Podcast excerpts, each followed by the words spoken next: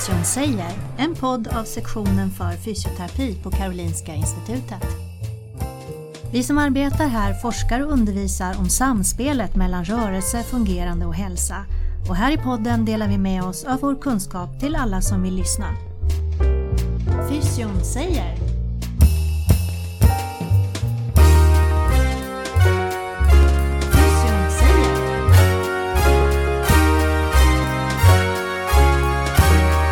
Fysion säger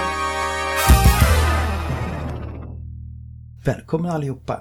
Eh, mitt namn är Wim Groten och jag håller i podden idag. Jag jobbar som docent och lektor vid institutionen för neurobiologi, vårdvetenskap och samhälle. Idag har vi Elisabeth Rydvik på besök. Hon är FoU-chef för funktion hälsoprofessioner. Men vi har inte bara Elisabeth här i studion, vi har också Emily Butler Förslund och hon är disputerad och jobbar just nu på rehabstation. Välkommen hit allihopa! Tack så mycket. Tackar. Jag tänkte börja Elisabeth med dig. Kan du berätta lite vad du jobbar med och vad du gör just nu? Ja, min forskning handlar framförallt om effekter av träning för äldre personer. Och då är fallprevention en viktig del i det. Och det är det som vi tänkte prata mer om idag. Och Emily då? Min avhandling den handlade om fall och fallskador efter ryggmärgsskada hos personer som har ryggmärgsskada. Och jag hade fokus på de som sitter i rullstol. Och det var ett samarbete med KI här i Stockholm och Norge. Eh, Sunnas sjukhus.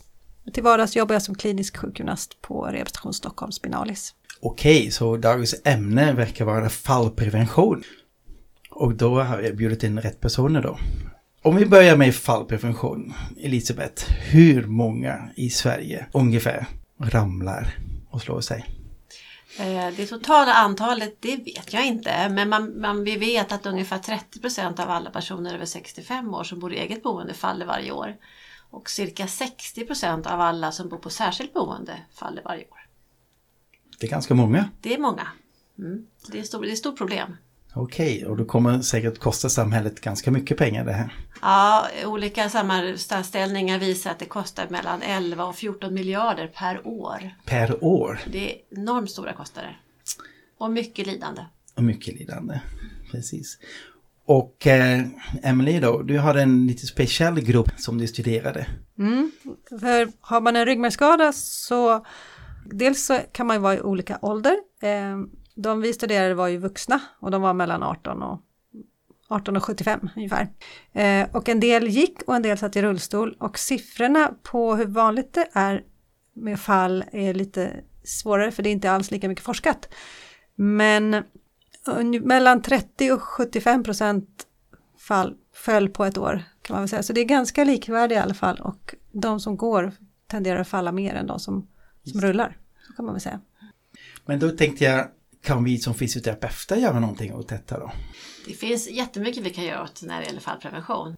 En, en viktig riskfaktor för fall är ju gångförmåga och eh, balans. Och har man en nedsatt balans så kan vi med, med en bra träning, upplagd träning, så kan vi eh, förbättra balansen och därmed också minska fallrisken.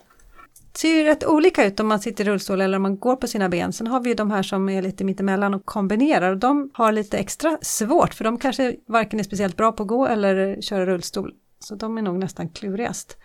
Ehm, men eh, vi har ju jättemycket att jobba med hjälpmedel till exempel. Men framförallt tror jag att jobba med uppmärksamheten att man kanske inte tänker på att det här är ett så stort problem som det är. För gamla, att gamla faller, det, det vet de flesta. Sen är det många som inte vill kännas vid att man själv blir lite äldre också och då tänker man inte heller på det. Eller man inte vill tänka på det. Jo, kanske måste vi börja från början och försöka definiera vad är ett fall för något? Hur gör man det i forskning och hur gör man det i kliniken? I forskningen så brukar man ju säga att ett fall är när du hamnar på marken eller golvet oavsiktligt. Oavsiktligt, okej.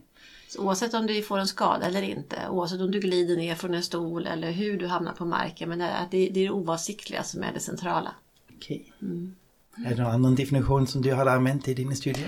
Nej, det är samma faktiskt. Det är snar, snarlika. Så om vi går in då i forskningen då. Vad, vad är läget just nu och vad vet vi? Vad vet vi inte? När det gäller äldre så vet vi ju att, att fall är, orsakerna till fall är ju multifaktoriella. Så det finns ju en mängd olika riskfaktorer för fall.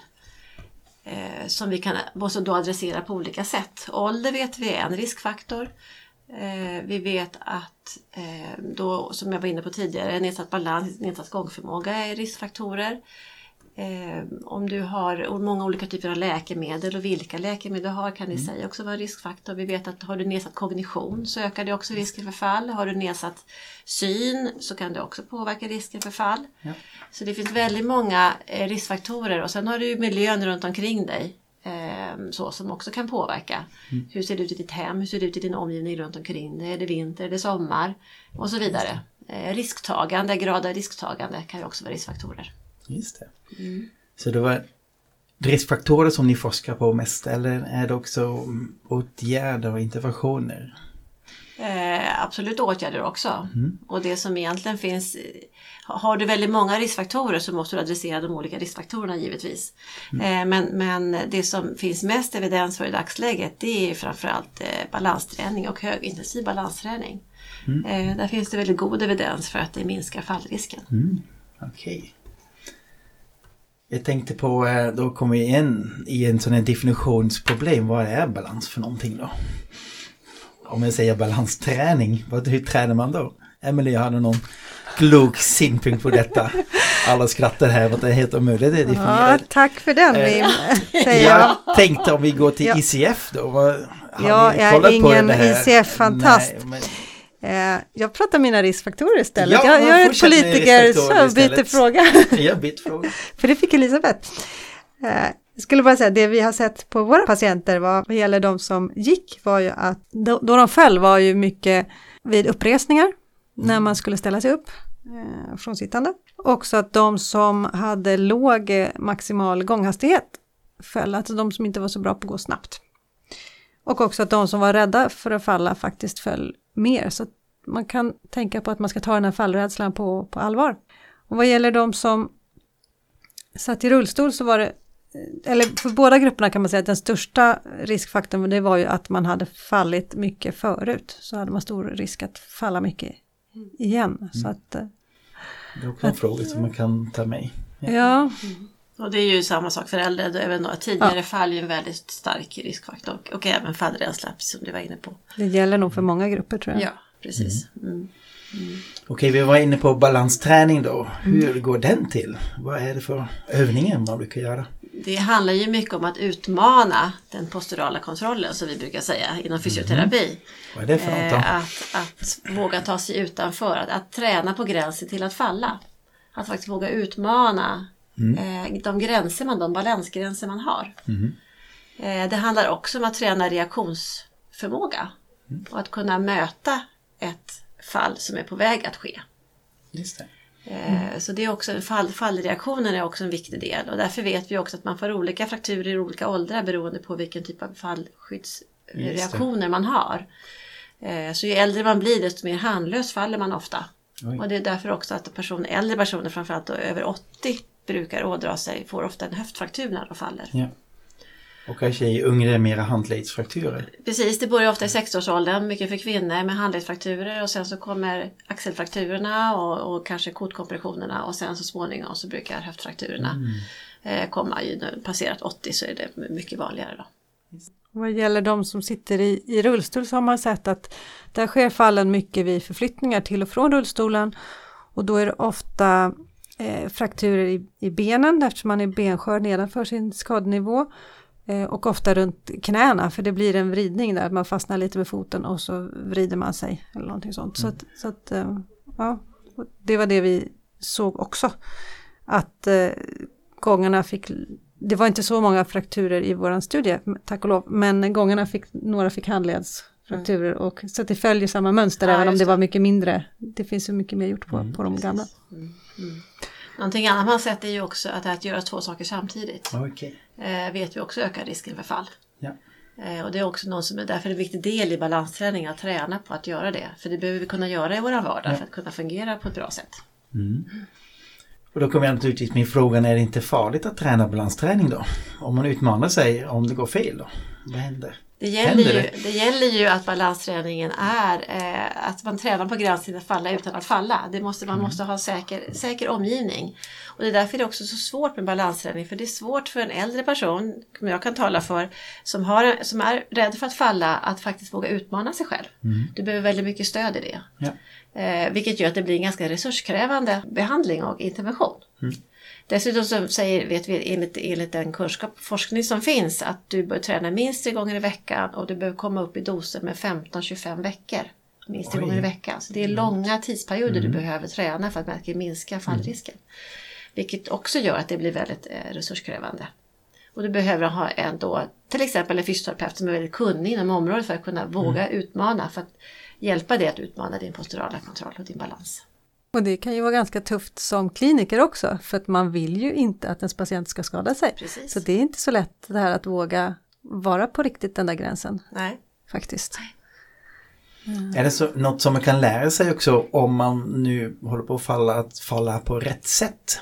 Jag tänker på en judoövning. Så. Ja, och det har ju nu, har ju, det var ju, började ju uppe i Dalarna tror jag, så var det ju en man som är på med judo där som började ha fallteknikkurser in, inom sitt område. Och nu har ju hela hela Svenska judoförbundet eh, börjat driva de frågorna. Så då har man det på många ställen. Och det är en Spännande. jätteviktig del tycker jag också att civilsamhället, civilsamhället är med och engagerar sig i de här frågorna. För det är ju någonting som när man tittar på, på man, ibland brukar man jämföra fallprevention och de åtgärder man gör för det gentemot eh, trafikolyckor. Och där har vi nolltolerans och det sker ganska få olyckor i Sverige eh, och det kostar ganska lite i relation till hur många fallolyckor som sker och vad det kostar. Medan vi satsar ju enormt mycket på, På att, på, på, på trafiksäkerhet. trafiksäkerhet och vi satsar väldigt lite på, på fallprevention. Det här är en eh, viktig budskap till våra lyssnare som kanske sitter på en påse med pengar. Att fördela det lite bättre då. Mer fysioterapi. Och där tror jag vi har ett problem med de kanske myter som har funnits i samhället. Att Ja. eh, alla gamla faller. Det är en del av åldrandet. Ja, det är och att det är så. som accepterat. Och det är inte så. Tänker jag också att eh, dels träna på att falla, vilket jag tänker ibland är lättare sagt än gjort, men det behövs såklart göras. Men också det här att, att träna på att ta sig upp från golvet. Eh, och det vet ju många fysioterapeuter sliter med att hitta ett sätt för folk att ta sig upp som gör att man blir mindre rädd och också kanske vågar göra mer saker när man är ensam till exempel. Man vet att man kan ta sig upp. Och kan man inte ta sig upp själv så kanske man vet hur man ska förklara för någon annan att, att få hjälp upp. Eller att man till exempel har, ser till att ha ett larm. Bara det här mentala stödet, att man vet att någon hittar en om det händer något. Mm, Precis. Nej, men det är en jätteviktig del att, att lära sig hur man tar sig upp från golvet. Är en väldigt central del Så- i det hela också. Så det ingår också i träningen? Som Det bör viktigt. ingå. Eh, Jag kan tycka att det kanske ingår lite för sällan. Eh, Men det är någonting som, jag tror att just för att minska fallrädslan så tror jag att det är en jätteviktig del. Att, att ha den tryggheten i att jag vet hur jag tar mig upp om jag faller. Vi välkomnar nytillkomna lyssnare till Fysion säger, en podd av sektionen för fysioterapi på Karolinska Institutet. Idag har vi Elisabeth Rytvik här som är docent och lektor på sektionen för fysioterapi och Karolinska Universitetssjukhuset och FoU-chef för funktion hälsoprofessionen. Och så har vi Emily Böttler Forslund som jobbar som sjukgymnast på rehabstation Stockholm Spinalis hon disputerade på en avhandling om fall hos ryggmärgsskadade.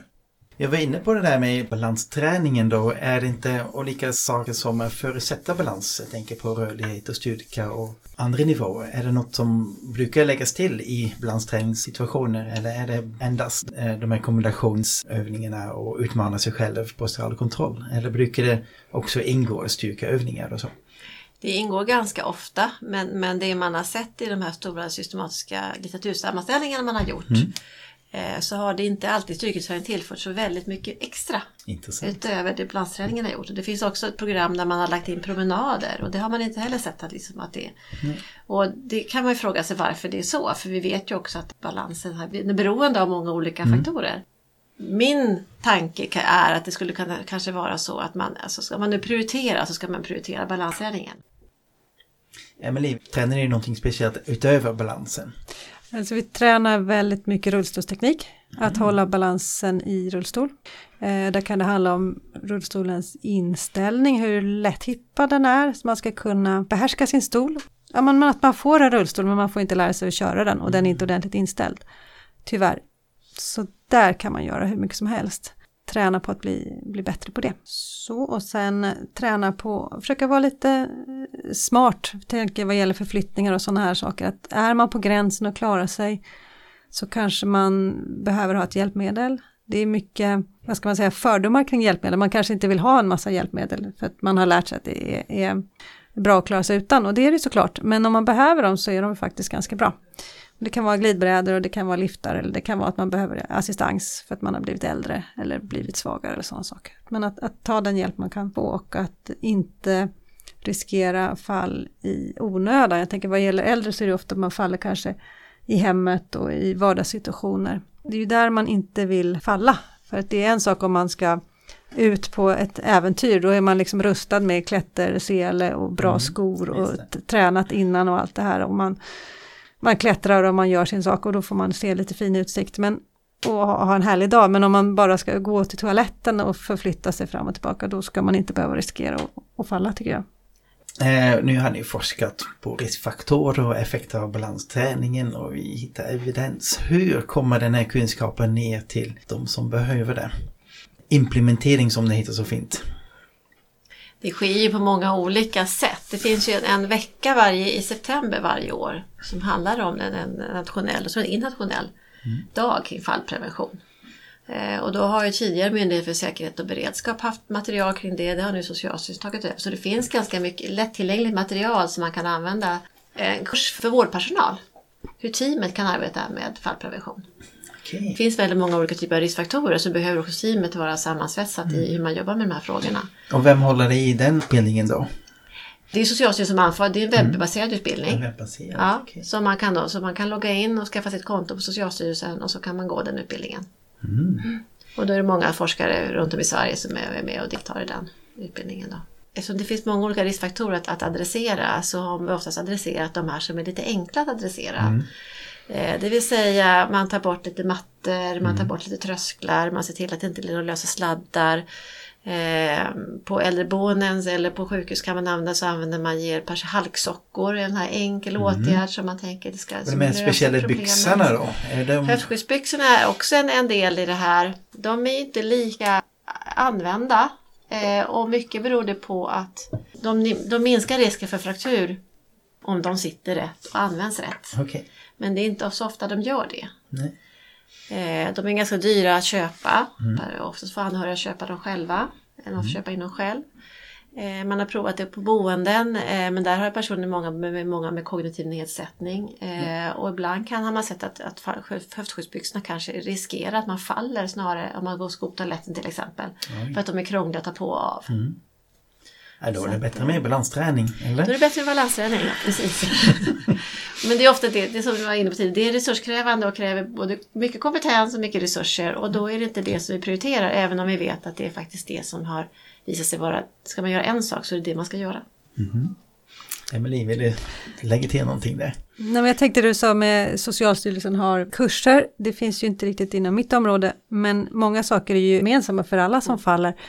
Men att för mig och den här gruppen handlar det väldigt mycket om att prata om fall överhuvudtaget, att uppmärksamma att eh, fall kan vara ett problem för många, att man tar upp det som en fråga i när man möter sin patient. Och också att man pratar om det i, i sammanhang där man träffar personal, typ eh, konferenser och sådana saker, men också typ tidskrifter för patientorganisationer och sådana saker, att det liksom kommer ut till rätt, rätt personer. Ja. Eh, För att det som också är viktigt för de här personerna är ju att som förälder också att en, en liten, liten skada, det måste ju inte vara en stor skada, kan snabbt utvecklas till något mycket värre om man har dålig cirkulation och dålig känsel och kanske inte märker ett litet skrapsår som på en gång så kan det bli något som tar flera månader att läka. Så att eh, man måste vara lite rädd om sig eh, samtidigt som det är den här svåra balansgången att vi som fysioterapeuter vill ju att folk ska vara så aktiva som möjligt Ja. och inte begränsas. Utan att de ska vara ja, framförallt så aktiva som, som de själva vill, kanske snarare än som vi vill. Eh, så att man ska inte skrämma upp folk i onödan heller, för då blir det rätt att man blir rädd och inte gör någonting. Eh, och det blir ju inte bra i längden heller, det blir ju ännu värre. Mm. Så att hitta den där balansen med vad som är information och vad som är skrämsel. Mm, men balans verkar vara ett nyckelord här. Mm, just det, på många sätt. på många sätt. Jag tänker fråga er båda två, vad händer just nu på den här fronten? Var är vi på väg? äldreperspektivet så handlar det mycket om, vi har väldigt mycket kunskap eh, men som inte kanske har blivit implementerat som vi var inne på. Det handlar mycket om, tror jag, för sjukvården att få upp ögonen för det. Jag var föreläste för primärvårdsläkare för några veckor sedan kring fallprevention. Och just att lika väl som du frågar om rökvanor, om du frågar om andra saker så ska mm. du också mm. fråga en äldre person, har du fallit det senaste halvåret? Just det, för att det var en viktig prediktor för nya fall. Precis, mm. och då kan man gå vidare från det. Ja, det har du gjort, ja okej, okay. men då kanske vi, och så kan man börja diskutera andra typer av riskfaktorer och så kanske man behöver då remittera eller liksom skicka vidare till, till en fysioterapeut eller någonting ja. annat för, beroende på då vad. Eller har du många olika läkemedel som vi kan se över? Eller, och vissa läkemedel som då är mer högre riskfaktor än andra. Mm när det gäller äldreperspektivet så har vi väldigt mycket kunskap men vi behöver få den omsatt i praktiken, att den verkligen används ute i praktiken. Ja. Mm. Är det samma sak för dig, Emelie? Ja, vi försöker ju, jag jobbar på Rehabstation Stockholm, Spinalis-kliniken och vi försöker få in det här i den kliniska vardagen och också jobbar med att sprida kunskapen till andra ställen såklart. Eftersom det är så pass mycket nyare så har man inte riktigt hunnit testa ut några bra interventioner ännu. Mm. Så att prata om balansträning här, det är inte någonting som är riktigt vederlagt ännu för den här gruppen. För det är så komplext, så det är svårt att, att, att veta riktigt vad som verkligen ger effekt. Det, mm. det är för små studier som gjorda än så länge, men det kommer fler och fler. Så det ser ju ut som att det finns gott hopp, men eh, på det individuella planet så kan man nog komma ganska långt med att fråga personerna om de brukar falla och i så fall när eller om de är rädda för att falla och i vilka situationer och så försöka åtgärda från, från det lilla perspektivet. Mm. Så mera forskning behövs där. Mm. Um, om jag pratar forskning, det brukar vara ganska svårt att forska. Uh, vad ser ni som stora hinder i er forskning? Vad är det som gör det här svårbeforskat? Jag tänker att eh, om man ska ha bra fallforskning så behöver man följa upp folk under lång tid ja. och ofta. Och det betyder att det blir dyrt. Eh, så mm. det kan vara svårt att genomföra så. Och det ser man också i olika studier att det är olika, väldigt olika lång tid som folk har rapporterat fall och då är det också svårt att, att lägga ihop olika studier för att de är så olika förutsättningar för hur de är gjorda. Kan det vara svårt att göra studier där du isolerar mm. enskilda riskfaktorer? Och vet du verkligen då att det är den här mm. riskfaktorn du adresserar som gör att du minskar fallrisken eller är det någonting annat? Mm. Och så det, det, det, är ett dilemma i den här typen av forskning då, när, det, när det är ett multifaktoriellt problem. Mm. Just det, de flesta anser att en randomiserat kontrollerat försök brukar vara den bästa sätt att studera olika saker. Funkar den för en fallpreventionsstudie, en RCT? Det har ju gjorts en mängd olika mm. sådana. Eh, och vissa har ju då fokuserat kanske bara på balansen och balansträning. Andra har tagit ett mer multifaktoriellt approach. Ja. Men då vet du ju inte alltid liksom, vad i den här svarta boxen är det som gör att du minskar fallrisken. Mm. Jag tror att vi skulle behöva göra en studie mera individ som inte är, randomiserad, kanske randomiserad så tillvida att du får en intervention som är riktad till dina riskfaktorer hos, mm. som är specifika just för dig. Just det. Vilket innebär att interventioner kan bli väldigt olika för olika ja. personer som är i interventionsgruppen. Ja, då... Eh, men den typen av studier tror jag vi skulle behöva göra mer av. Mm, intressant. Det finns också en annan typ av forskning, kvalitativ forskning. Hur är det med den då? Inom mm. området? Vad gäller gående personer som, som jag vet var i alla fall att det de ansåg då var att folk tyckte att man ansåg att fall var en del av livet liksom. Det, mm. det var naturligt att man föll samtidigt som att det utmanade ens självbild för man, man hade sin ryggmärgsskada, man var uppe på benen och gick och då ansågs man sig lite som normal eller vad man ska kalla det för. Mm. Och eh, Fast det här med att man föll var inte riktigt normalt. Så det var lite krackelerande den där självbilden. Mm. Och att man också ägnade ganska mycket energi åt att hela tiden gå och läsa av omgivningen för att inte falla. Att det tog ganska stor plats ändå, det här fallscreeningen eller vad man ska säga gjorde. Och att också att man, man var beredd i vissa situationer att, att ta lite högre fallrisk för att man ville göra någonting som man tyckte mm. det, var, det var värt det helt enkelt. Spännande. Mm. Ja, det. finns ju ganska många kvalitativa studier som har, som har tittat just på det här med fallrädsla och, och hur man ser på det ur olika perspektiv. Och det finns ju också många olika typer av instrument nu som man kan använda för som enkätformulär till exempel för att fånga upp olika personers fallrädsla. Så det finns en hel del. Eh, sen finns det ju också många nu olika forskargrupper som har börjat titta på olika mobila lösningar till exempel. Appar, ta fram appar för att stödja eh, fallprevention ur olika perspektiv. Och både uppe i Umeå, i Sörmland och i Lund så håller man på och forskar på att ta fram den typen av metoder. Det är också ett sätt att nå ut med kunskapen eh, och att bli varse vilka riskfaktorer jag har eh, och hur jag kan adressera dem på olika sätt. Och där har man, vet jag, i flera av de här studierna har man haft involverat äldre personer som varit delaktiga i framtagandet av de här apparna. Så, så det har liksom varit en, en stort deltagande av de personer som ska använda dem, vilket är väldigt viktigt. Okej, då tänkte jag, kanske finns det personer lite äldre med lite dålig balans som sitter och lyssnar på detta. Vad ska de göra? De som kanske är lite rädda att röra sig. Vad, har du några praktiska tips till dem? Jag tänker att man ska, eh, om man inte vet vad man ska göra, hur man ska liksom ta tag i situationen så tänker jag nog att man ska söka upp en, en fysioterapeut till exempel i primärvården. Eh, I alla fall här i Stockholm vet jag att många eh, primärvårdsrehab har balansträningsgrupper som de kör regelbundet. Är man osäker på om man tror att ens läkemedel har stor betydelse så kan man ta kontakt med sin primärvårdsläkare. Eh, Så det är väl två, två råd jag skulle kunna ge. Okej, men då är det så dags att runda av. Vi har pratat eh, länge, men eh, sista välvalda ord på vägen. Elisabeth, har du några? Eh, jag tycker det är viktigt att den kunskapen som vi har idag kring i det här ämnet, att den faktiskt används. Och då, då finns det, det är många olika saker som behövs för att vi ska göra det. Dels behöver vården ta ett större, bli mera involverade i det här. Vi behöver också titta över strukturerna så att man faktiskt kan få träna så länge som behövs. Då behöver man se över hur ser organisationen ut i vården, vilka ersättningssystem har vi, hur stödjer de den evidens som faktiskt finns idag. Så där finns det på en strukturell nivå ganska mycket att göra. Bra. Och Emelie? Jag tänker att det är viktigt att komma ihåg att det inte bara är äldre som faller, utan det är ju yngre också. Och eh, inte bara de som går på benen, utan även de som kombinerar rullstol och rollator kanske, och de som bara kör rullstol. Nu jag tittat på folk med ryggmärgsskada, men jag tror att det gäller många andra som kör rullstol också. Att man faller också, men i andra typer av situationer. Och att man kan ha stor risk för att göra sig illa när man, när man faller. Så att eh, vara så aktiv som möjligt men att vara lite smart. Okej, då avslutar vi nu detta podd. Tack så mycket att ni kom till studion. Tack! Så mycket. Du har lyssnat till podden Fysion säger, en podd som sänds från sektionen för fysioterapi på Karolinska Institutet. Fysion säger